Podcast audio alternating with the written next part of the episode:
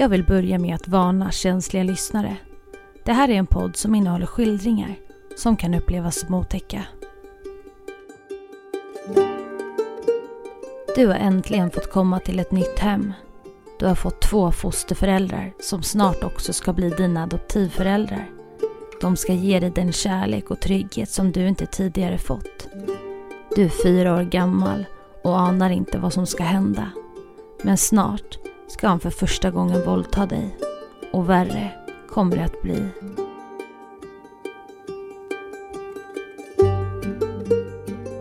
Du lyssnar på Värsta morden, en podcast av Saga Lindqvist Brinkhorn. Vi befinner oss i Pennsylvania, USA.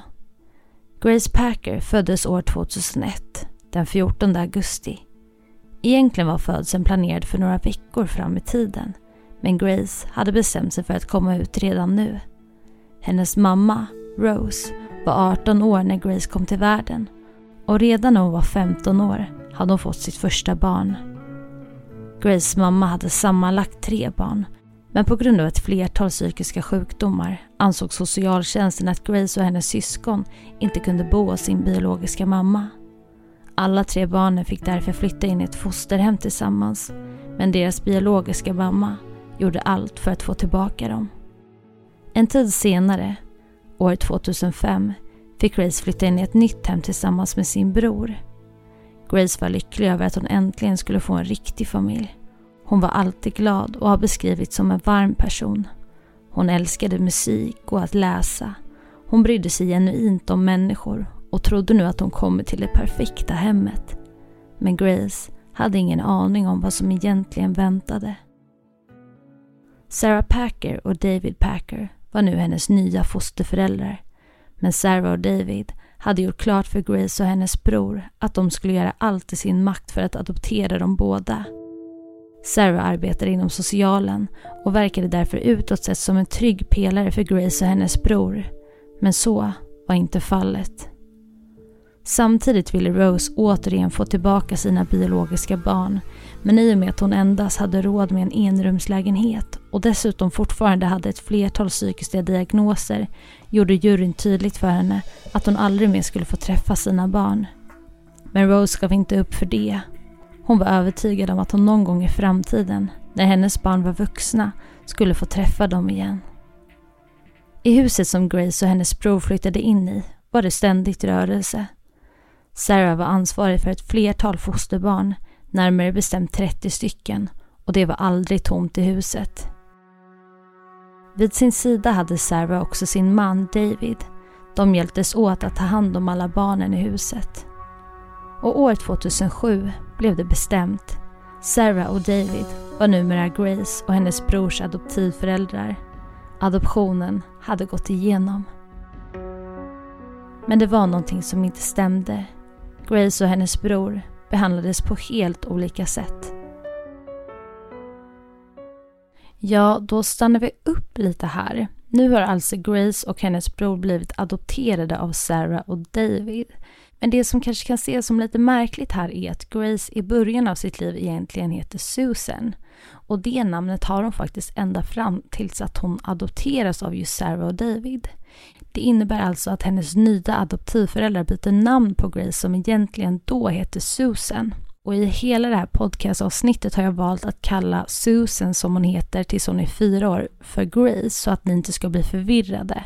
Men hennes biologiska mamma har i alla fall gett henne namnet Susan. Det ska också tilläggas att i och med att Sarah och David tar emot så pass många fosterbarn så får de också enorma summor pengar. Och för Grace söker de extra pengar då man menar att hon är problematisk att ha att göra med och att hon har svårt för inlärning. Men vi ska gå vidare i avsnittet och se vad som händer härnäst. 2008 får polisen in ett samtal. Det gäller David Packer, Grace adoptivpappa. Enligt ett fosterbarn som bott hemma hos familjen har David förgripit sig på Grace sexuellt. Men utredningen läggs snabbt ner. Dels för att Sarah säger att det är falska anklagelser och Sarah, som arbetar inom socialtjänsten, bedöms som en trovärdig källa. Det var flera fosterbarn i huset som kunde se att Grace behandlades på ett helt annat sätt än hennes bror och det var tydligt att något inte stod rätt till. Sarah skrek på Grace och slog henne emellanåt. Men hennes bror däremot fick aldrig några slag. 2010 får polisen in ännu ett samtal. Det är ett fosterbarn som bott hemma hos paret som berättar att David utnyttjat henne sexuellt. David arresteras kort därefter av polisen och flickan vågar då berätta mer detaljer om vad som hänt. Hon berättar bland annat att hon varit fastbunden vid David och Sarahs säng under flera timmar i sträck vid ett flertal tillfällen. Flickan har också tvingats gå på diet för att gå ner i vikt. Det ska ha varit David som utfört handlingarna. Men enligt flickan skulle Sarah inte kunnat missa det som skedde. Det var öppet för alla vad som pågick. David hade också tvingat henne att ha på sig speciella klädesplagg så att man såg mer av hennes kropp.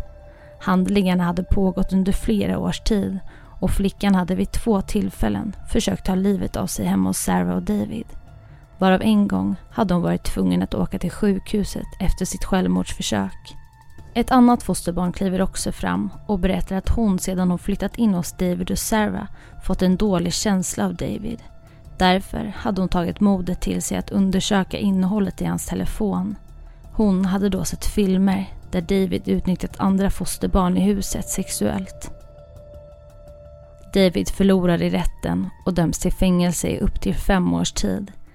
Samtidigt får Sarah besked om att hon inte längre får ha fosterbarn hemma hos sig. Man kan inte längre garantera att fosterbarnen är säkra. Däremot var ju Grace och hennes bror numera Sarahs riktiga barn, eller adoptivbarn, så de fick vara kvar i hemmet och det utreddes inte vidare hur man skulle göra med de två. Ett år senare erkänner också David att han utnyttjat Grace sexuellt redan när hon varit ett litet barn. Men numera bodde ju Grace bara med Sarah och inte sin adoptivfar så det skulle ju inte vara några problem. Eller? Grace fick ständigt höra att hon skulle försöka bete sig mer normalt. Hon blev ständigt straffad för sitt beteende av Sarah. Hon skrek på henne och slog henne till och från men hon behandlade alltid Grace bror väl. 2016 träffar Sarah en ny man, Jacob Sullivan. Jacob var en speciell man och berättade för Sarah att han hade en sexuell fantasi. Han berättade att han ville våldta någon samtidigt som Sarah tittade på. Och Sarah sa då att Jacob fick använda Grace på vilket sätt han än ville. Det var bara att köra på. Och så skulle det bli. I juli 2016 gick Sarah, Jacob, Grace och hennes bror på en picknick tillsammans. Och det skulle också vara sista gången som någon utanför familjen ser Grace vid liv.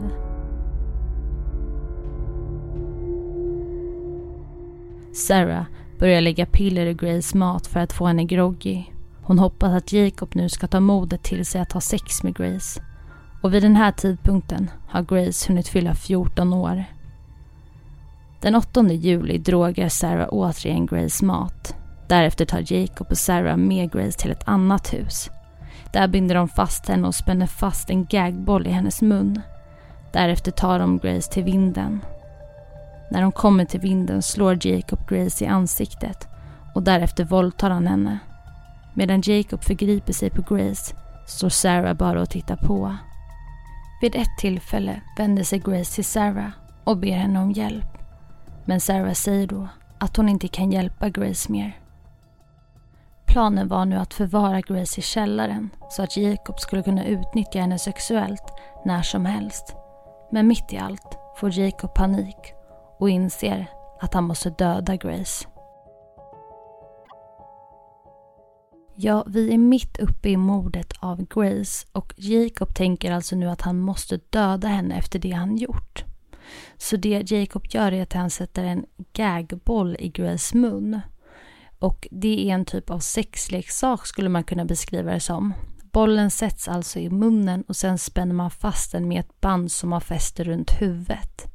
En gagboll kan göra att det blir lite svårare att andas och det är också det som Sarah och Jacob hoppas på.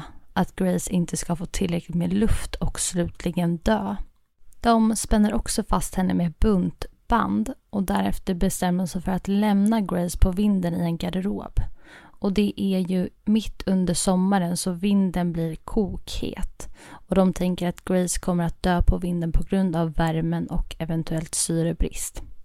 Vi ska gå vidare och se vad som händer härnäst. På morgonen därefter åker Jacob och Sarah tillbaka till huset och när de kommer upp på vinden ser de att Grace har överlevt mot alla odds. Hon har dessutom lyckats ta sig loss från buntbanden och fått ut gagbollen ur munnen. Sarah och Jacob kan inte förstå att hon har överlevt. Jacob blir rasande och slår Grace i ansiktet återigen. Därefter våldtar han henne på nytt. Efter våldtäkten stryper han Grace med hjälp av sin arm som han lägger runt hennes hals. Det tar flera minuter innan Grace slutligen ger upp och lämnar jordelivet. Därefter förvarar paret Grace kropp i en flyttlåda fylld med kattsand på vinden i hopp om att undvika liklukten. Några dagar senare anmäls Grace som försvunnen av Sarah. Sarah påstår att Grace ska ha tagit 300 dollar med sig för att sedan lämna huset. Flera veckor går och polisen har inga spår. Samtidigt växer Jacob och Sarahs panik. De är tvungna att göra sig av med kroppen fort. Och när utredarna kommer till deras hem och ställer frågor om Grace rinner bägaren över. När Grace kropp förvaras på vinden i tre månader åker slutligen Sarah till en affär och köper en såg. Därefter styckar Jacob och Sarah Grace kropp. De tar sedan bilen och kör flera mil bort från huset och dumpar Grace kropp i en skog. Kroppen upptäcks senare av några jägare på halloween och polisen kan snart konstatera att det är Grace kvarlevor. Lite senare får polisen in ett samtal från en av Jacobs vänner. Hon säger att Jacob försöker ta livet av sig med hjälp av piller och några dagar senare vaknar Jacob upp från koman som han legat i. Han erkänner då att han har varit delaktig i det som har hänt med Grace. Han har varit delaktig i hennes mord. Det blir nu tydligt för polisen att Sarah och Jacob ligger bakom mordet på Grace och båda tas in på förhör. Ett förhör blir fler förhör och bevis efter bevis läggs ihop. Under rättegångarna skyller både Sarah och Jacob på varandra. Det framkommer också att Jacob för tiden innan mordet våldtagit Grace ett flertal gånger. Sarah berättar också i rätten att Grace varit jobbig att ha att göra med, att hon hatat henne. Sarah påstår att hon föll för Jacobs våldtäktsfantasi. Planen var att Jacob och Sarah skulle förvara Grace i ett hus för att Jacob skulle kunna våldta henne till och från. Men planen var aldrig att hon skulle dö. Bara att hon skulle försvinna och inte bo tillsammans med resten av familjen. Sarah säger följande. Verkligheten slog till när han insåg vad han hade gjort och det fanns ingen väg tillbaka. Så han bestämde att det var dags för henne att dö. Jag blev inlurad i Jacobs fantasi och jag trodde inte att jag kunde säga nej utan att förlora honom. Sarah berättar i rätten att samtidigt som Jacob strypit Grace med hjälp av armen ska hon ha sagt till Grace Bara gå älskling, bara gå. Hon beskriver följande i rätten. Jag tog hennes hand och berättade för henne att det var okej att gå. Det kändes som att det tog en evighet, men det var bara ett par minuter. Sarah erkänner att hon varit delaktig i mordet och döms till livstid i fängelse. Jacob erkänner också brottet och säger att han valt att döda Grace då Sarah sagt att hon ville ha bort Grace från sitt liv. Jacob döms slutligen till dödsstraff för det han gjort i mars 2019. Och idag är det ett flertal fosterbarn som klivit fram och berättat om hur det egentligen var att leva tillsammans med Sarah och David i huset. David är alltså den första mannen som vi har hört om i den här berättelsen. Och utifrån de intervjuerna som jag hittat säger ett flertal av dem som levt i huset att det var tydligt att Grace var utvald som den personen som Sarah hackade på jämt och ständigt. Det berättas också om att man inte kunde känna sig bekväm i huset. Man var ständigt på sin vakt för att man fattat att det händer saker med andra barn i huset. Grace biologiska mamma har också intervjuats efter Grays mord och hon berättar att hon har känt sig maktlös för att hon inte kunnat skydda Grace när hon låg där på vinden ensam efter att ha blivit våldtagen. Hon säger följande i en intervju. Det tar mig itu med skuld, med ilska mot mig själv. Det känns som att jag har misslyckats som en mamma, som en kvinna. Du vet för att jag inte haft möjlighet att skydda mitt barn. En mamma borde skydda sitt barn från faror och skador som kommer längs med vägen. Och jag känner mig misslyckad för det. Det här kommer jag aldrig klara mig igenom. Tack för att du har lyssnat på dagens avsnitt. Nu är faktiskt säsong två av den här podcasten slut och det har blivit dags för mig att producera inför säsong 3. Så om du har några tips på mordfall som du vill att jag tar upp så skicka ett mail till varstamorden springcorn.se. Tack och hej!